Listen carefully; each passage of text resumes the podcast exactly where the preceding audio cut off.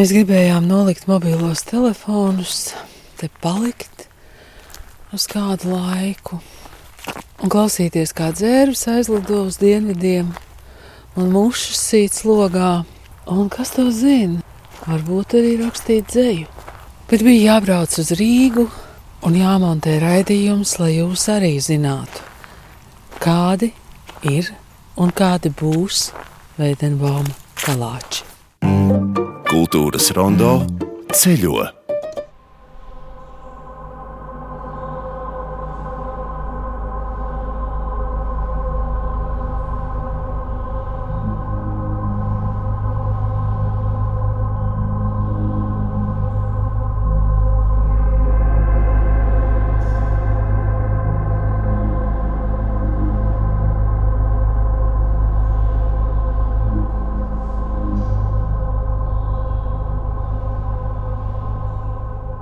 Esiet sveicināti! Pirms braucu uz kalāčiem, kurus svētdien vaļā vērs Eduarda Veidenbauma dzējas bilingvālo izlasi Neputnu samta sērijā, bet pirmdien svinēs dzēnieka Eduarda Veidenbauma 155. dzimšanas dienu un vaļā vērs jauno ekspozīciju, tiekos ar dzēnieku un izlases sastādītāju Raimondu Čirķi. Raimond, jūs jau šķirat uh, grāmatu, gribat sākt ar Veidenbaumu dzējoli? Nē, es neesmu iepriekš izdomājis, ko es tagad lasīšu, tāpēc es tagad ātri centos. Labi. Edvards Veidenbaums dzēja, bilingvāls izdevums samta sērijā. Kā jums šķiet, vai Veidenbaumam samts piestāvēt? Nu, tā kā Neputnam ir arī jauna sērija, melnā sērija, kurā tiek publicēti tādi modernāki dzinieki, tad uh, es pieņemu, ka Veidenbaums no vienas puses būtu tāds mūžam dzīves, mūžam moderns, mūžam svarīgs šobrīd. Līdz ar to tā viņa atrašanās samta sērijā ir vairāk uh, tam dēļ, ka tā grāmata ir bilingvāla. Tā ir uh, pirmo reizi Veidenbaumam ir tik plaši daudz dzējoļu tulkot angļu valodā. Un, uh, un tad nu, tā samta sērija bija arī itin piedienoši viņam. Tur jūs uh, rakstāt, ka 52 no 72 pieejamiem dzējoļiem. Kas tad ir tie 20, kas neiekļuva vai kāpēc? Īsnībā ir jau par vienu dzējoli vairāk, proti, Marijas Rīžīs. Tagad iekārtojot ekspozīciju, pavisam uh, netīšām un nejauši, un pavisam nesen atradu vēl vienu Veidenbauma dzējoli. Tas ir uh, viens no viņa vēl tādiem agrīnākajiem. Atradējs teica, ka Tas, protams, nav, nu, nebūs tas kanoniskākais dzīslis, bet tāpat ir uh, atrasts vēl viens jauns dzīslis. Tā kā par vienu dzīslu latviešu kultūra bagātāka, bet uh, 52, tāpēc ka sākumā bija plānots 50. Bet uh, kaut kā atlases procesā, veidojot to grāmatu, nu, radās vajadzība pēc vēl, vēl dažiem zemoļiem. Un sakārtojot šo grāmatu, es centos veidot arī tādu kā narratīvu par uh, par to Veidenbauma lirisko es, par viņa dzīves gaitām, par viņa, kā veidojas viņa pasaules uzskats, no kurienes viņš rodas, no sociālās tādas netaisnības un, uh, un cauri visam, ko nu mēs zinām par Veidenbaumu, nonākot līdz, uh, nu, līdz tādam optimistiskam skatam nākotnē līdz tādam ideālistiskam, ko parasti nu, Veidenbaumā tā varbūt nedaudz mazāk uzsver. Nu, jā, protams, varēja arī nu, būtu bijis skaisti atzējot visus, bet nu, tā grāmata tapa tomēr salīdzinoši īsā laika sprīdī, un atzējotājai Ievai Lešinskai nu, bija laika ierobežojums arī, un līdz ar to visus, visus tagad, diemžēl, nevarēja vēl atzējot. Kā jūs tikāt galā ar to, kuru variantu vai kuru dzējoļa formu tad ņemt par to īsto, nu, zinot, ka Veidenbaum dzējoļi klejoja rokrakstos un kā mēs varam aizrakties līdz tam Veidenbauma īstajam dzējolim? Nu, paldies liels Līvijai Valkovai, kura bija tā pirmā, kura tiešām rūpīgi izsakoja visiem Veidenbauma dzējoļu variantiem, Un uh, viņas monogrāfijā par Veidenbaumu, kas iznāca vēl padomju gados, viņa diezgan skrupulozi apraksta to procesu, kā viņa nonāca līdz tam, kurš ir uh, uzskatāms par tādu autentiskāko variantu katram dzējolim, un tad arī attiecīgi pēc viņas izstrādātās tekstoloģijas es uh, vadījos un uh, to arī šeit ieviesu. Vai jūs Kaut brīdi pieļāvāt arī tādu domu, nu, kas būtu, ja būtu, nu, ja Veidenbaums būtu dzīvojis ilgāk, kurā virzienā tad viņš būtu strādājis. Nu jā, interesanti. Tad, kad uh, es domāju par Veidenbaumu, es par viņu domāju kā par tādu saurupu putnu, kuram bija tā iespēja studēt tērbatā, protams, nevienīgiem latvietim, bet tomēr uh, viņš tur ar savu literāro mantojumu ir tāds. Uh, savā ziņā īpatnis, viņš ir priekšgājējs, bet tajā pašā laikā viņš tomēr ir no principā, tās pašas paudzes, no kuras ir ainis, no kuras ir aspazija, no kuras ir vēl daudzi citi latvieši, kuri vēlāk veidoja Latvijas valsti. Un, uh, No vienas puses man būtu ļoti interesējis, kā Veidenbaums iekļaujas, nu, sākot jau ar piekto gadu, vēlāk arī Pirmā pasaules kara un ar brīvvalsts laiku, nu, kur Veidenbaums būtu sevi atradis. Es domāju, ka viņš visdrīzāk dzēja būtu ar laiku metis pie malas un būtu kļuvis par uh, zinātņu vīru. Bet no otras puses, tieši tā viņa īsā dzīve ļāva tai dzējai izcelties tajā viņa radošajā darbā visvairāk. Un, uh, kā, nu, gan labi, gan slikti, ka viņam tomēr bija tik īsts mūžs, un, uh, un tagad mēs viņu zinām kā ļoti, ļoti izcilu dzinieku. Vai jūs domājat, ka gabals ir tautsēmniecības bija tikai sākums, un uh, viņš būtu turpinājis uh, rakstīt tādus uh, populārus zinātniskus rakstus? Nu jā, viņš jau principā bija izstrādājis savu dzīves, dzīves ceļu.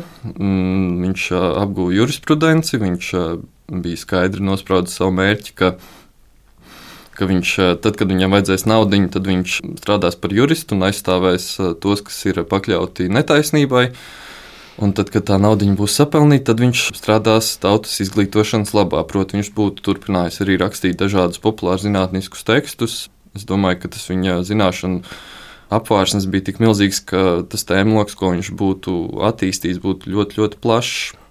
Nu, jā, un, un pašam viņam jau tie dzējoļi bija tāds blakus, blakus darbiņš. Tas nebija nekas tāds, par ko viņš šausmīgi galktu tagad būt izcils latviešu dzinieks. Nu, jā, tas droši vien būtu palicis novārtā. 155 gadi Edvardam Veidenbaumam, bet um, es atceros, man šķiet, pirms pieciem gadiem bija ļoti liels tāds uh, radošs uzrāviens. Studējot Veidenbaumu un attīstot kaut kādas jaunas radošas idejas gan, um, gan no dzējas, gan no gabalis tautsēmniecības. Vai jūs varat pateikt, kas ir tas īpašais, kāpēc ar vienu un ar vienu jauniem cilvēkiem Veidenbauma dzēja ir saistošs? Nu, teiksim tā, Veidenbaums, būdams jauns, rakstīja laikā, kamēr uh, latviešu nācija vēl bija jauna. Un, principā, tas Veidenbauma jaunības posms sakrīt lielā mērā ar latviešu jaunības posmu, un tur vienkārši tas ir, man liekas, tikai likumsakrīgi, ka Veidenbaums uzrunā tieši jaunus cilvēkus, un uh, ar vienu jaunus cilvēkus, kuri no jauna viņu atklāja.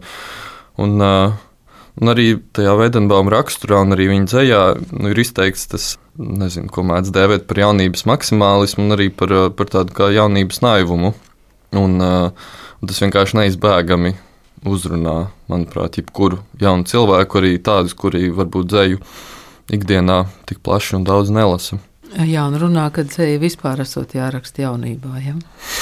Eh, bet, eh, Raimond, jūs eh, kādu no Veidenbauma dzējoļiem tagad varētu nolasīt pirms, pirms mēs savukārt braucam uz kalāčiem, lai apskatītu jauno kalāču ekspozīciju? Pilnīgi pēc jūsu izvēles. Nu, politiskās noskaņās dzējolis īsts patriots. Ik katrs tev godu dod centīgais vīrs, caur pašu pūlēm tu ieguvies mantu gan līdzeklis katrs nav bijis tev tīrs, par to jau nekas, ka tik ģērbies tu samtā. Par tautas labdari katrs tev klieks, kaut sirds tev ir akmens un augsta kā sniegs, bet tā jau nu vienreiz ir pasaules mode un nebeigsies ātrāk kā zemeslode. Un uh, pēdējais uh, dzējols šajā grāmatā. Vēl neesmu dubļos, tik dziļi es stidzis, vēl spēks man ir atgriezties, labākam būt. Iz sirds vēl dievības gaišums nav nīcis, vēl dvēsele augstākas iegribas jūt. Ik katram ir uzdevums grūtības nest, Tā dieva prāts mūs radot spriedis.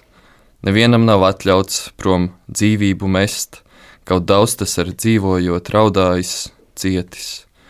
Mums augstāks mērķis aiz zvaigznēm ir sprausts, kaut šaubās un šaubīsies cilvēka prāts, lai jaunam ar līķa palaks tiek austs, lai asarās paliekam skumdināti, bet tomēr mums jātic, ka nekrīt ne mats, ko neredz un nezina dievības acis.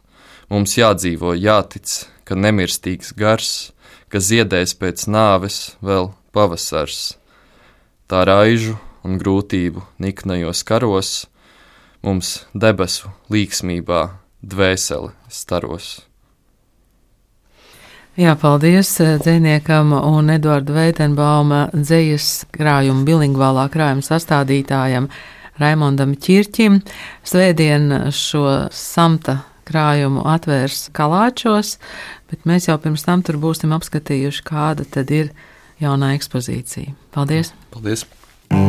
Kultūras rondo atklāja Raimons Čits jau pieminēja Marijana Rižī lielo atklājumu, proti līdz šim nezinām Eduarda Veidenbauma dzējoli, un mums būs tas gods to dzirdēt. To lasīs Kalāču muzeja vadītāja Andra Ķīse, bet tas būs mazliet vēlāk. Tātad es Ingvilda Strautmane braucu uz Kalāčiem, kur vēl notiek daudz praktisku darbu, lai atklātu jauno ekspozīciju. Māksliniece Dace Džeriņa vārda tiešā nozīmē ir skrejienā, un strādā daudzi tehniski un mākslinieciski cilvēki, bet mani sagaida projekta vadītāja Inga Surgunte. Viss top, un uh, mēs skatāmies vienkārši pa logu. Mēs skatāmies pa logu, kalāču māju saimas istabā, kur kādreiz ir dzīvojuši veidenbaumu strādnieki, kalpi. Ir ziņas saglabājušās, ka pat līdz pat četrām ģimenēm ir dzīvojuši šajā telpā, kas mums šodien liekas pilnīgi neiespējami. Un savukārt eh, šīs telpas logiem mēs varam redzēt aiz lazdām klētiņu, slaveno Edvarda klētiņu, kurā viņš lielāko daļu savu dzējoļu ir sarakstījis un arī skolojies un brāļus māsas brāli māsu, Valdemāra Karlīna skolojas. Tā kā tā tāda īpatnēja sasaiste, kas laika gaitā ir radusies, ka no pastāvīgās ekspozīcijas varēs mest skatu uz Veidenbaum tā saukto studiju zalonu. Tad, kad viņš tiešām strādāja klētiņā, klētiņa atradās citā vietā, tuvāk ieejai. Šis ir tāds mūsdienu interpretatīvs. Nu, galāčos jau te viss, kas ik pa laikam ir mainījies, vai ne?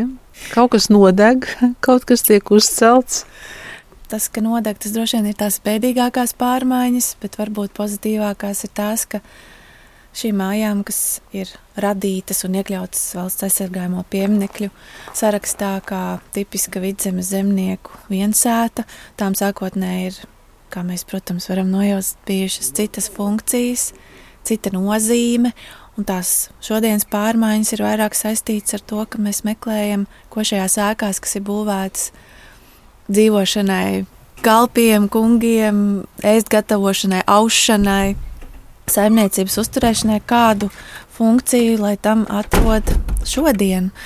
Tās ir tādas ļoti dziļas pārmaiņas, un tas ir viens no jautājumiem, ko mēs ar jauno ekspozīciju vēlamies risināt. Mēs vēlamies šai saimnes istabai iedot citu funkciju, citu pielietojumu, citu jēgu. Un ekspozīcijas vidū būs eh, saimnes galds un tur sēdēs Veidenbaumu ģimene un draugi. Un tur mēs aicināsim piesaist arī viesus un sajust to mājas garu, ģimenes garu. Tā ir viena no tādām inovācijām, kas būs šajā ekspozīcijā. Tā nebūs tikai par Eduardu Veidenbaumu, bet par visu ģimeni, kas īstenībā visi kopā bija ļoti izglītoti, arī dedzīgi ar augstiem ideāliem un dzīves mērķiem. Uh, Mēs ceram, ka šajā vidē esot, apsēžoties ar viņiem pie saimnes galda, arī apmeklētāji savā ziņā pieslēgsies šiem ideāliem un dzīvesveidam.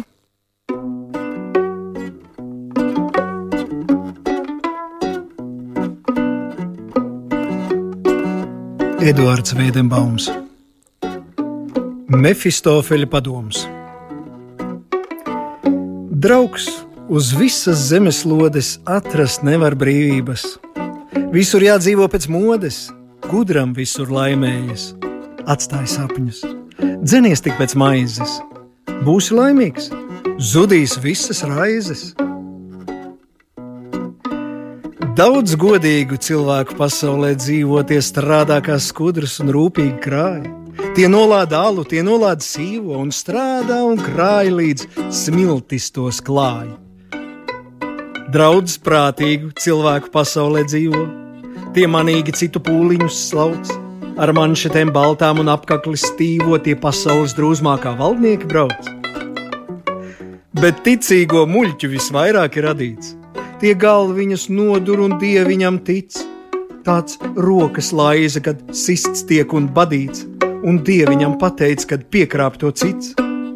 Un ārprātīgo ir ceturtā suga. Tiem žēl, ka viņu tik visai nedaudz. Pie sirds, kam ķeras šī bēdu luga, kas muļķus pie gaismas, pie brīvības sauc.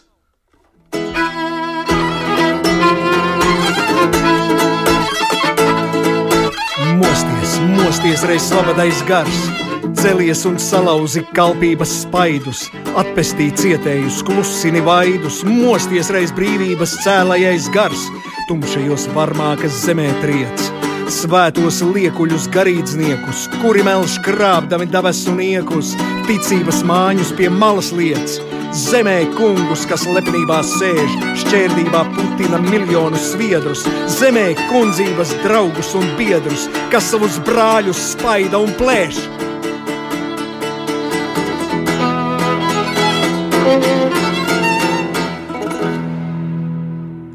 Jā, Vils Daudziņš jau mums ir par Kārli šo to atradis un pastāstījis, un arī Latvijas radio arhīvā glabājās tas viņa stāsts Veidenbaums un, un Veidenbaums, bet um, kā jūs atradāt to um, fokusu vai to virzienu, kas attiecas uz, uz jauniešu mentālo veselību, kā līdz tam nonāca?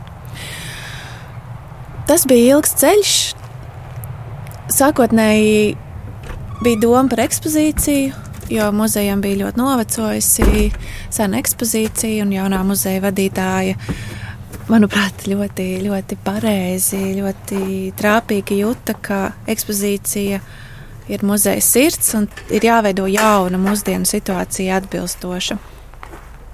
Bet, protams, tad, kad mēs sākām runāt par to, kādai būtu jābūt šai ekspozīcijai, Protams, ka kļuva aktuāli visi jautājumi, par ko ir šis muzejs, kas ir muzeja jaunā misija, ko muzejs vēlas sasniegt. Un mēs diezgan klasiski gājām cauri konteksta analīzei, muzeja krājuma analīzei, skatījāmies atvērtām acīm, kas notiek sabiedrībā, kā mēs vislabāk varam to, kas ir mūsu rokās, šis mantojums, pavērst un interpretēt tā, lai tas atbild uz mūsdienās aktuāliem jautājumiem. Un šo visu darbu darot, nu, apmēram pusgada garumā izkristalizējās šī viena lielā tēma - mentālā veselība, tādā personīgā līmenī un arī attiecību veidošanas, varbūt tādā paplašinātā veidā. Tā ir ļoti aktuāla. Tas viss notika tieši Covid pandēmijas laikā, un mēs redzējām, ka cilvēkiem gan pašiem ar sevi kļuva grūti, gan arī tādā, tādā nu, vienam ar otru. vienam ar otru kļuva grūti. Un mums likās, ka gan Eduarda paša dzēja teksti, bet arī viņa dzīves tās atmiņas par viņu dod ļoti daudz vielas tādām gudrām, auglīgām sarunām par šiem jautājumiem. Un tad arī paskatoties šo ģimenes attiecību stāstu, tur arī var atrast ļoti daudz tādu piesaistītu punktu stāstu, ar kuriem tu vari iztaujāt pats sevi, kā tu risini kādas kritiskas situācijas, kā tu reaģē, vai tu proti palīdzēt, vai tu proti saprast, ko tev saka. Tie ir tādi pamat jautājumi, kas vienmēr bijuši aktuāli. Un mums šķiet, ka šī ģimene ir gan saskārusies ar ļoti daudz nopietnām grūtībām, gan arī ļoti skaisti tās risinājusi, un tādēļ mēs ar viņiem kopā jūtamies droši paceļot šīs tēmas. Tiek gatavotas divas nodarbības. Viena nodarbība ir vairāk saistīta ar tādiem jautājumiem, kā trauksmē, panikas lēkmes, tādiem ļoti personiskiem mentālās veselības jautājumiem. Un um, tiem mēs pietuvosimies tieši skatoties tajā, kā Edvards savos pusaudzības un jaunības gados ir par to rakstījis, kādas bijušas viņa taktikas, izķeprojoties no tādām Bet dienas sarežģītām... grāmatu taču nav. Ir. Kultūras rondo atklāja. Ir.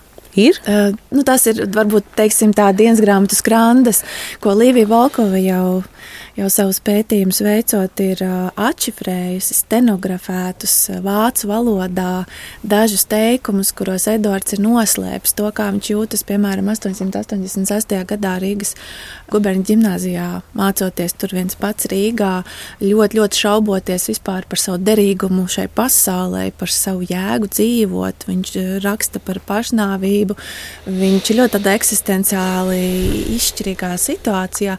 Protams, mums ir jāpie jāpiesargās pārinterpretēt un uzburt pārāk daudz stāstu no šīm aprotajām rindām, kas ir atrastas.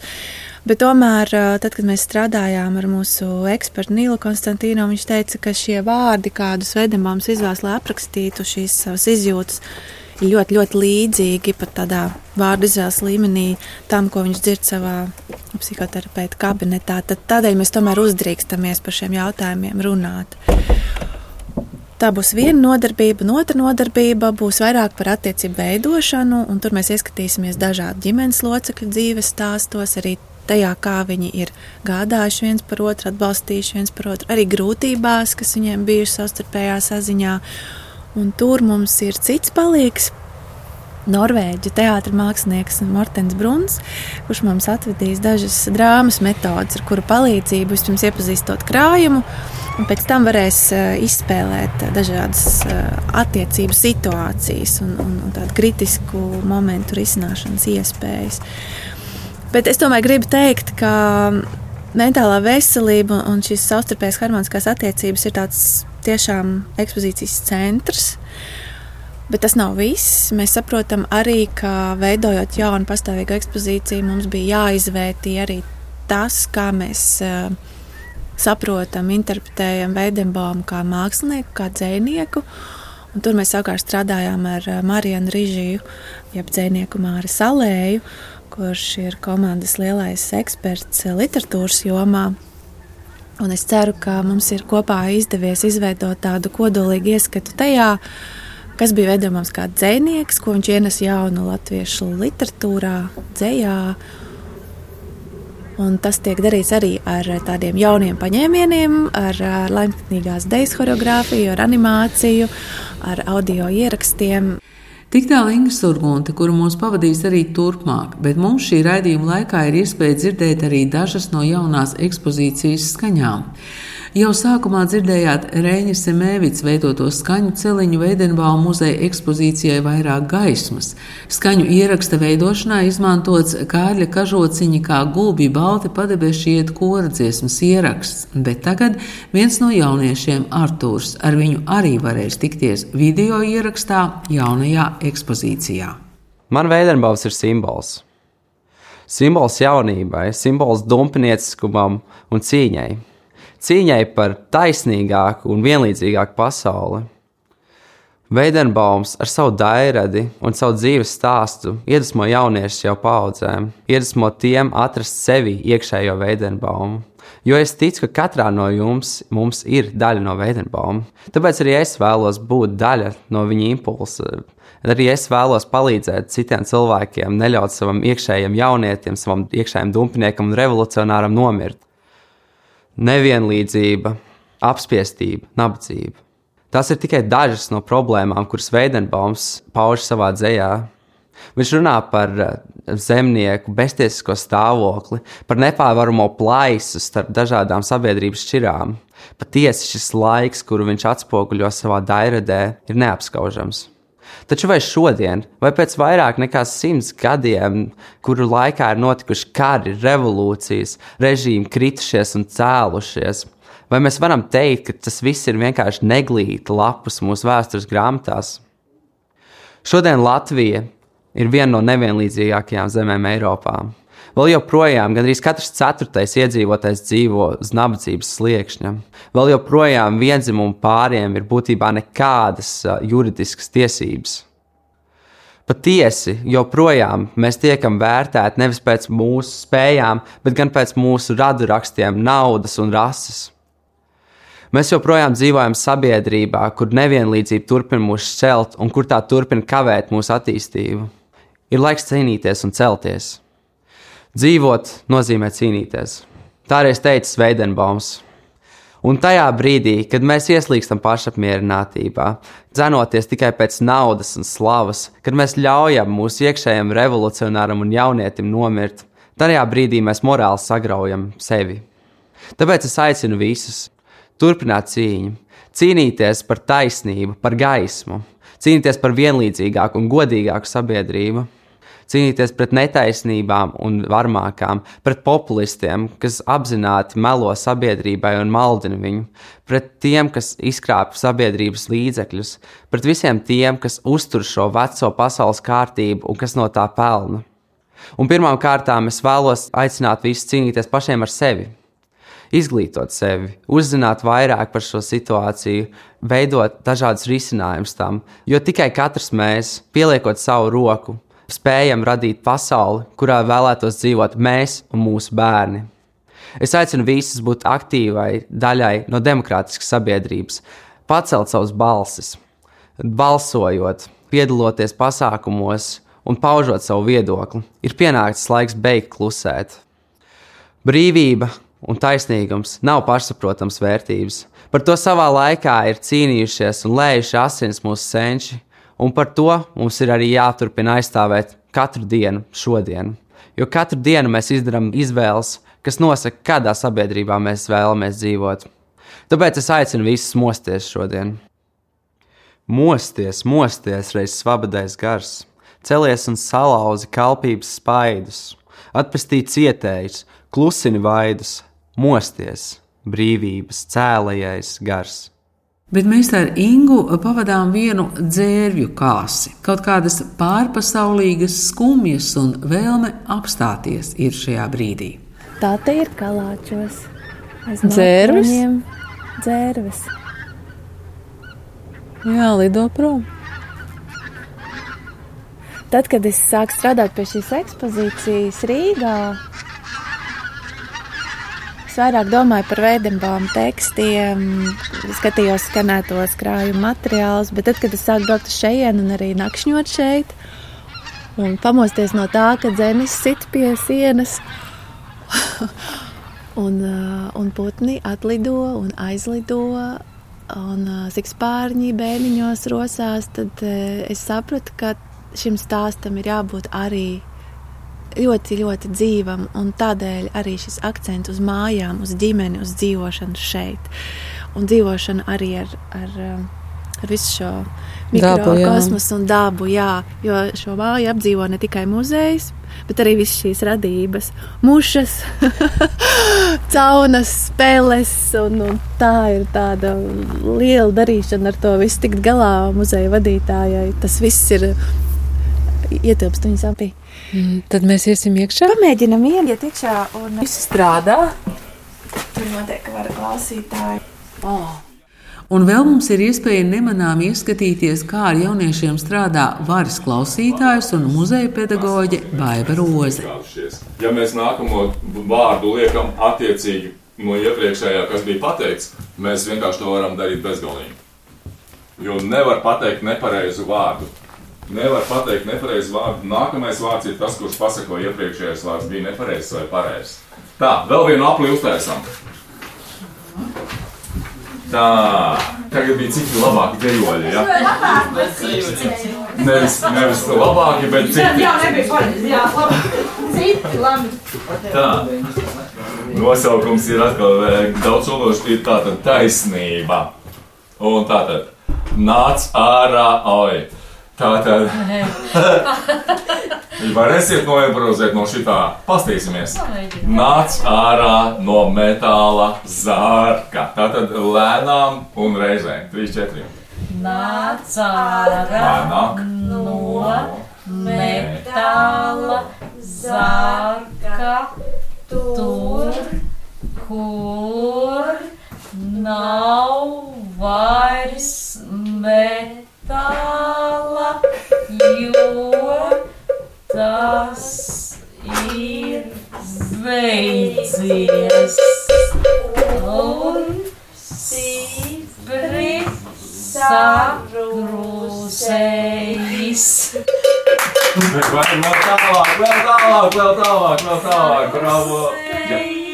Stāvu Nu tā, mēs tā klusiņām mazliet paklausījāmies un paskatījāmies, ko jūs tur darat kopā ar, ar varu klausītāju. Tad, nu, izstāstiet, ko jūs tur darījat. Mēs brīnījāmies, mēs brīnījāmies, ko vispār darīt ar dzēju. Tā bija jauniešiem dzējas diena. Un mēs katru gadu mēģinām kaut kādā jaunā veidā, lai jaunieši kaut kā citādā veidā paskatās uz dzēju.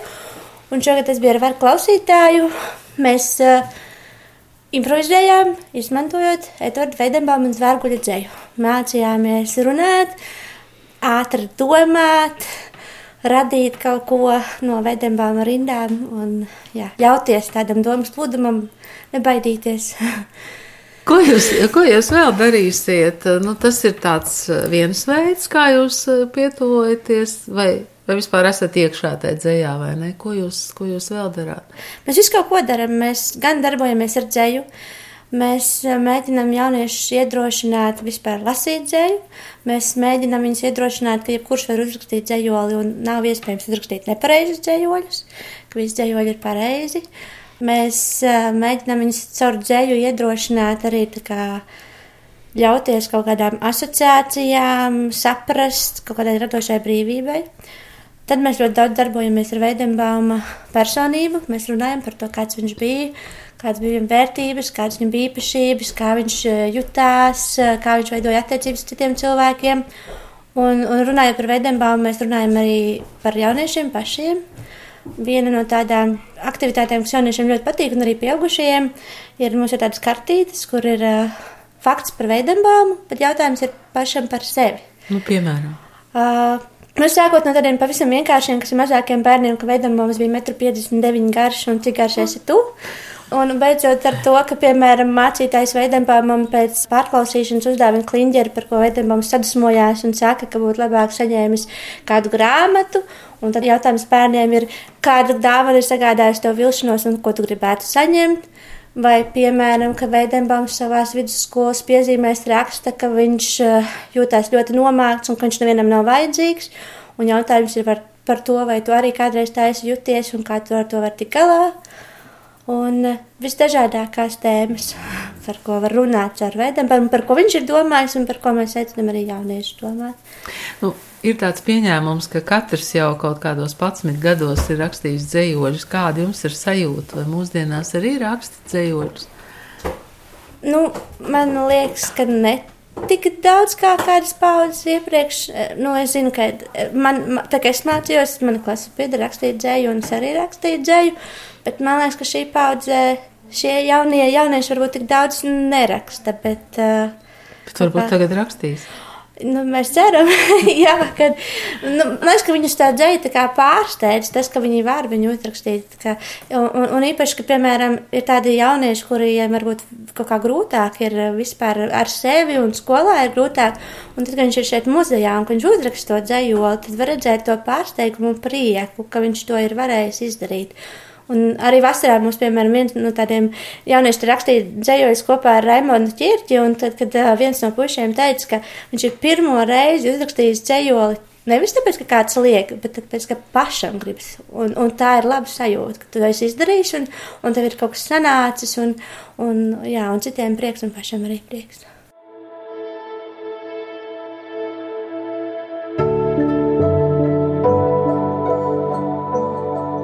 Kaut kur redzētās acīs, egļu mežos, sen neredzētos, apcerētos. Esmu ar vienu kāju sevī un ar otru ārpusē.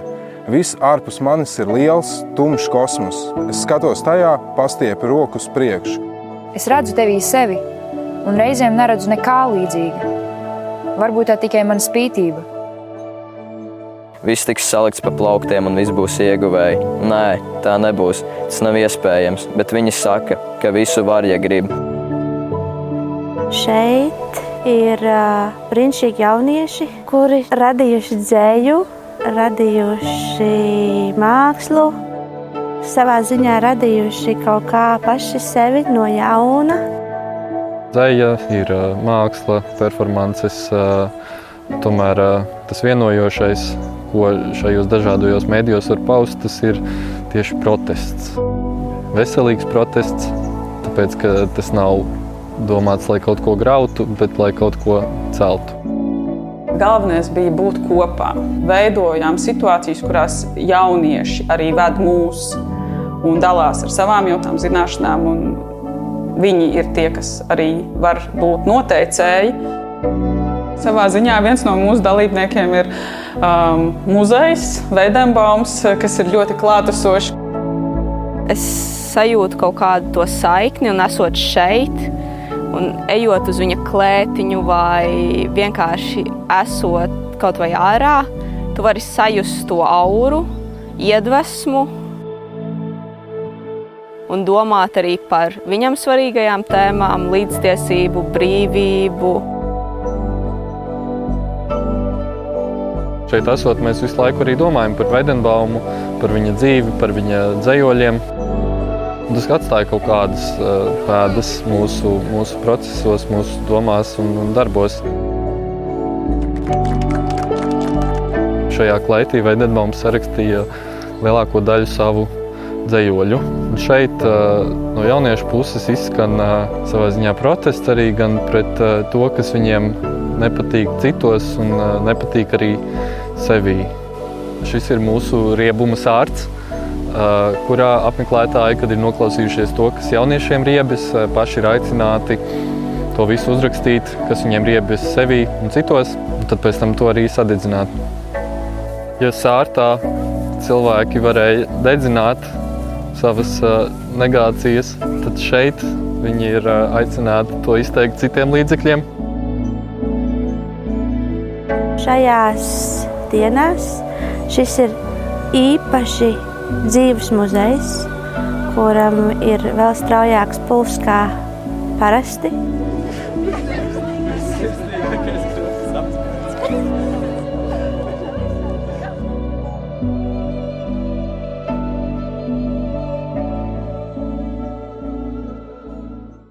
Mēs lēnām pietuvojamies šī stāsta noslēgumam, kas patiesībā ir jauns sākums Veidenbauma kalāčos, un pavisam tuvu ir brīdis, kad pirmo reizi publiski izskanēs Eduarda Veidenbauma jaunatrastais dzējols, kur lasīs muzeja vadītāja Andra Ķīse.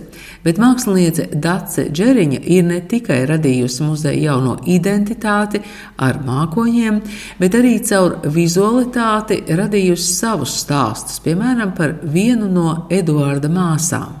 Liekas, uz tiem kalāčiem skatāmies tādā kopējā kontekstā, jo tu jau ar vienu domu taisīji iekštelpu ekspozīciju, bet tajā pašā laikā mums jau paralēli arī principā ir izstrādāta ārtelpu ekspozīcija. Nu, tas, tu, tu jau viņu kā tādu kopumu, tu pat nedali atsevišķi to visu.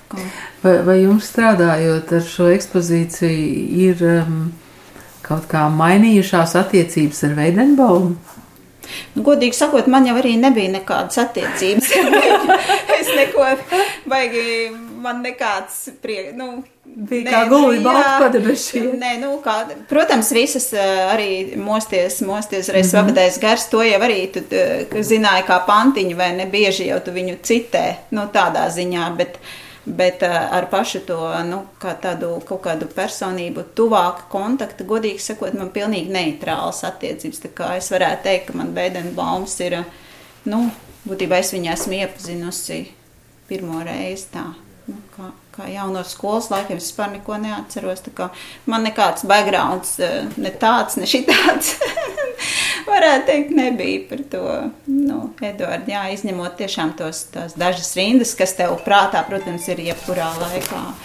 Viņa ir atrisinājusi daudz, daudzas, daudzas stāstus, daudzas vēstījumus vizuālā veidā šajā ekspozīcijā Stāstus, ko nevar savādāk izstāstīt. Nu, piemēram, tas, ko es minēju, ka ir šie, mums bija ļoti, ļoti liela vēlēšanās katram ģimenes loceklim atrast vismaz vienu priekšmetu, lai viņi visi tur sēž kopā un ir kāda materiāla liecība par šo cilvēku.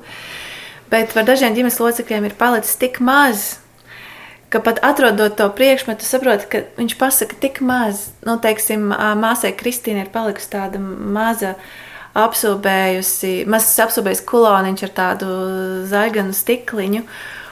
Bet kas tas ir? Kad tas ir izmantots, kad tas ir dāvināts, vai tas ir viņas mīļākais, vai, vai, vai, vai gluži otrādi nejauši saglabājies. Un, un īstenībā Dārts ar tādu māksliniecisku uzdrīkstēšanos uzbūra šīm aizmirstajām māsām, Kristīnai Jūlē, veselu dzīvi. Nu, ar tajās mazajās video filmiņās, kas būs redzamas, kas ir veltīts katram ģimenes loceklim, tiešām ir tāda uzdrīkstēšanās iedot šīs personības tādu varbūt dzīves pavadienu, kādu izjūtu, ko, ko mēs domājam, kas varētu būt raksturīga. Un to Tam nav tāda zinātniska pamatojuma, lai to darītu pētnieks, jo nu, tādu mums nav. Bet mums nepietiek ziņa, bet mākslinieks to mākslinieks ir brīvs. Jā. to darīt. Nu, jā, tādā ziņā par to man tiešām liels prieks par tiem mūsu galda video darbiem. Man liekas, ka mēs esam kaut kā tiešām atdzīvinājuši katru to cilvēcisko, iedavuši seju tam katram ģimenes loceklim, kas pirms tam nebija.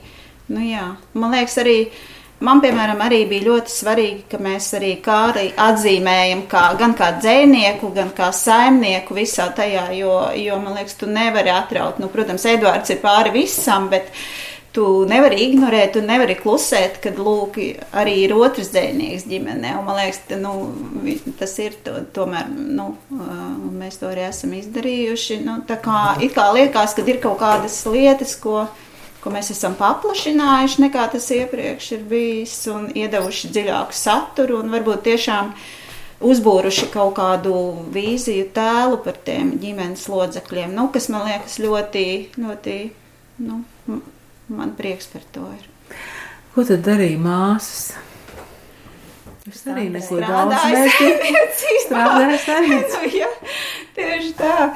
Nē, nu, savā ziņā es domāju, ka mums jau arī visām ir tādā ziņā diezgan viegli identificēties ar tām māsām un visām, jo mēs visas arī esam no savā ziņā saistītas ar laukiem un, un, un zinām, kā tas notiek visas, gan saimniecības darbi, gan strādāšanā, gan Gan viss, tāpēc no, pat no mūsu skatu punkta jau arī ir tas, ka tu visu laiku mēģini iztēloties ārpēc, no kā tas, kā tas tavā ģimenē tas nemūžam nebūtu iespējams. Piemēram, es par savu ģimeni runāju, tas, ne, nu, tas nebūtu iespējams, ka viens bērns nestrādā. nestrādā, ka viņš ir privileģētā situācijā, visi strādā, viņš dzējo. Sievietes strādā. jā, jā, nu tā, Citi laiki, jā. jā, nu kaut kā vienkārši uzreiz tev arī nu, ir interesanti padomāt nu, kā, par dažādām šīm situācijām, kā, kādas tās lomas ir tavā konkrētā, piemēram, vai citās, vai atkal kalāču ģimene. Bet, bet kā tās lomas tika sadalītas? Nu, skaidrs, ka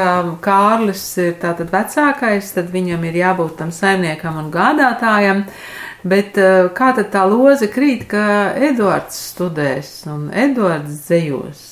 Nu, droši vien viens, kad viņš ir pirmkārt vīrietis, tajos laikos jau tas, Tas ir ā, svarīgi, Tas jā. ir svarīgi, bet no otras skaidrs, ka droši vien ka tas talants lauzās ārā pa visām vīlēm. Nu, tas, to jau, nu, tur jau savādāk nevar būt. Nu, tā, bet vienkārši no vienas puses arī tiešām var apbrīnot tad to māti, kura to ir redzējusi un kura tiešām viņu ir ā, nu, tā sargājusi un virzījusi uz Pēc to. tēva nāves māte. Nu, to Tā visu. faktiski māte, jā. jā. Mm. Nu, tā, tādā ziņā tas man liekas nu, tā ļoti cienījami to, no, no mātes puses, ka tu, un ka tu vari visus tur nostādīt tā, ka visi to akceptē. Kā jūs redzat, mēs tādā sieviešu kompānijā lielā mērā esam šo ekspozīciju veidojuši. Uh, Mūsu komandā ir pētnieki un rakstnieki, bet tu to, tas uh, komandas kodols esam sievietes. Iespējams, ka tādēļ ekspozīcija ir tāda feministiska ievirza, jo mēs redzam, ka tēvs aiziet ļoti agri.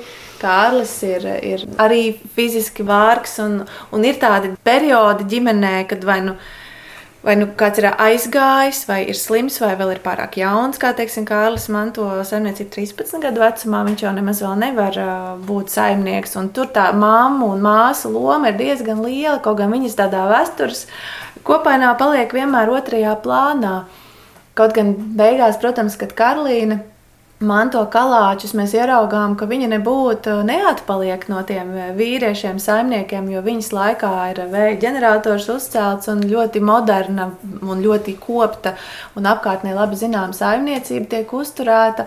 Un, jā, mēs redzam, ka īstenībā visa, visa šī ģimene ir ļoti stipra un ļoti uz izglītību vērsta. Mums arī bija tāda tiešām tāda personiska interese parādīt, ka arī sievietes ir spēlējušas tajā lielu lomu. Bet šīs divas māsas, kuras ir visnoslēpumainākās, Kristīna un Jūle, Viņas tiešām, cik var noprast, ir ļoti daudz fiziski strādājušas saimniecībā, un arī man līdzīgi kā Dacētas liekas, tā ļoti interesanti. Nu, arī parādīt to viņu devumu īstenībā arī tajā Eduarda izaugsmē, jo visa šī ģimene pastāvīgi dienas dienā darbojās, lai viņš varētu nu, vientulībā skoloties. Un, tas tāds liels apkārtējo cilvēku dāsnums man šķiet arī tāds nu, skaists ziedojums. Mūsu sarunas otrajā plānā it kā paliek Kalāču muzeja vadītāja Andra Čīse, kurai ir izdevies sapulcināt Kalāčos un ap Vēdenbaumu ļoti dažādus un ļoti radošus cilvēkus. Nu, man ir tāda sajūta, nu, no Rīgas sēžot un klausoties, ka ir tāda kalāču renesanse. Tas tā ļoti skaļi skan. nu, jā. Domāju, ka arī iepriekš tika darīti daudz darbi. Vienkārši tas tā pamazām, pamazām. Mēs vienkārši šobrīd esam nonākuši pie tādiem publiskākiem projektiem un tādām. Nē, nu pārmaiņas, jā, mēs, tad, kad bija jāiet iepriekšējā akreditācija, tad es domāju par to, nu, ko vispār muzejam darīt. Nu, nu, kā? Nu, gribējās kaut kādu vēl pievienoto vērtību, bez tā, ka mēs tad nu, vienkārši stāstam par Veidenbaumu. Gribējās īsti atrast to kaut kādu citu virzienu, kā mēs vēl varam būt noderīgi vietējai kopienai, apkārtējai sabiedrībai un visiem citiem, ne tikai ar to, ko parasti muzejs piedāvā. Tāpēc vispirms jau tā doma par jaunu ekspozīciju, jo ļoti gribējās to, par cik nav muzejā ļoti ilgi nebija bijusi jauna ekspozīcija kopš 80. gadu sākuma. Nu, tā tas pamazām aizgāja. Satiekot pareizos, nu ne pareizos cilvēkus, vispār satiekot ļoti interesantus mhm. cilvēkus. Andrei ir tāds vadītājs, kas rada apstākļus, lai visi var darboties. Un tas ir eh, ļoti, ļoti rēts vadītājs. Viņi tiešām ar tādu abrīnu skatās uz jaunām idejām un dara visu, lai atbalstītu, lai lietas notiktu. Un es domāju, ka tie, kas mēs esam te piepildījušies, arī muzeja pedagoģa baiva, Nu, mums tiešām ļoti, ļoti patīk tas, ka šī vide ir tik ļoti atvērta pārmaiņām un jauniem projektiem. Lielā mērā pateicoties Andras personībai. Mazliet. Mēs katru gadu, pēdējos gadus mēģinām jauniešiem dzējas dienas mazliet citādāk. Nu, ne tikai iepriekš viņi tur vienkārši brauc un lasīja tur vai nu savus vai citus dzējoļus, nu, kā jau tradicionāli dzējas dienās pieņemts, um, bet uh, pagājušajā gadā mums bija um, sadarbība ar repa grupu Rīmdari. Un mēs te Edvardu Veidembaumu dzējoļus un Edvardu Tremans Zvārguļu dzējoļus pārvērta jauniešu dzēja eh, repa ritmos. Un izrādās arī tā var, un tā pa divi tādi pilnīgi jauni, jaunās, jaunās ritmu skaņās dzējoļi.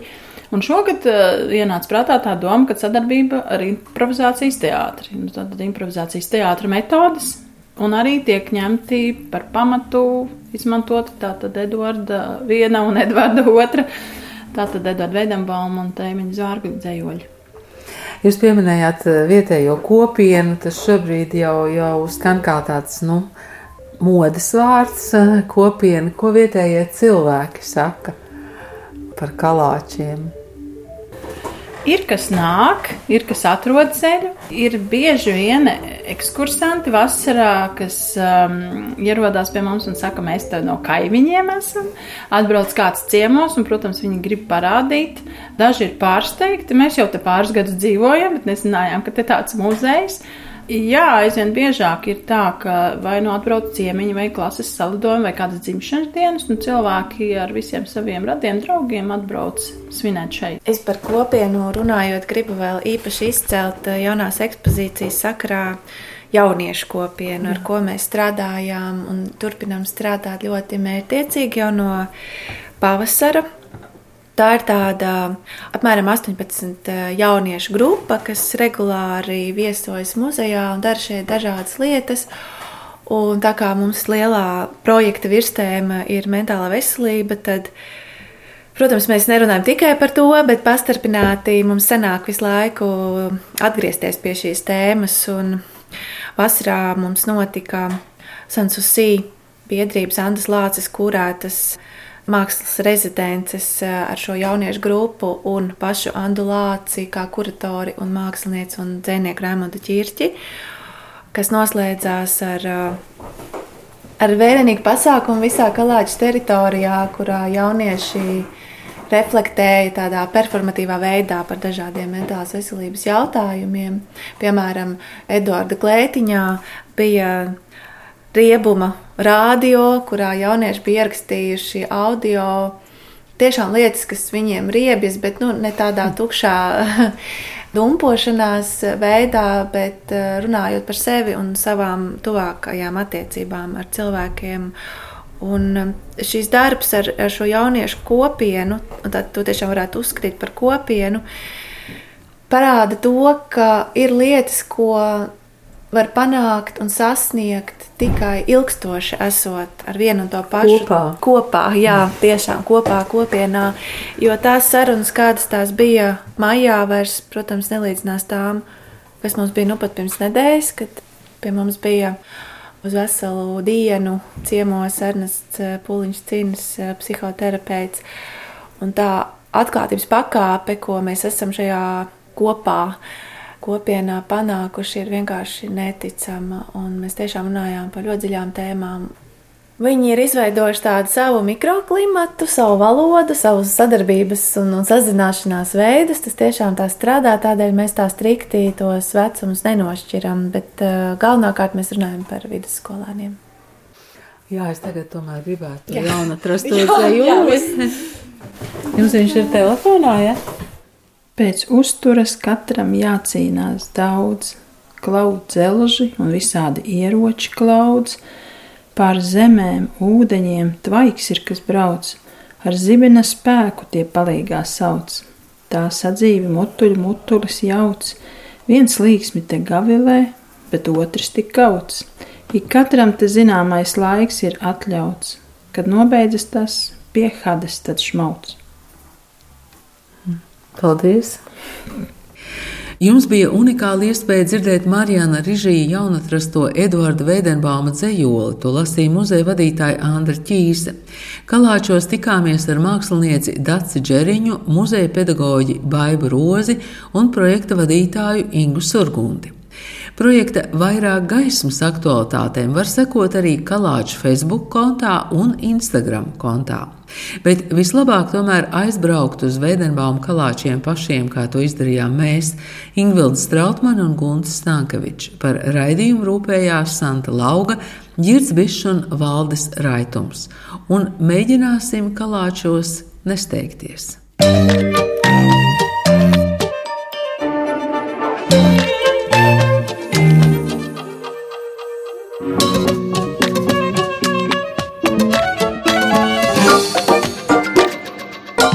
Kultūras rondo.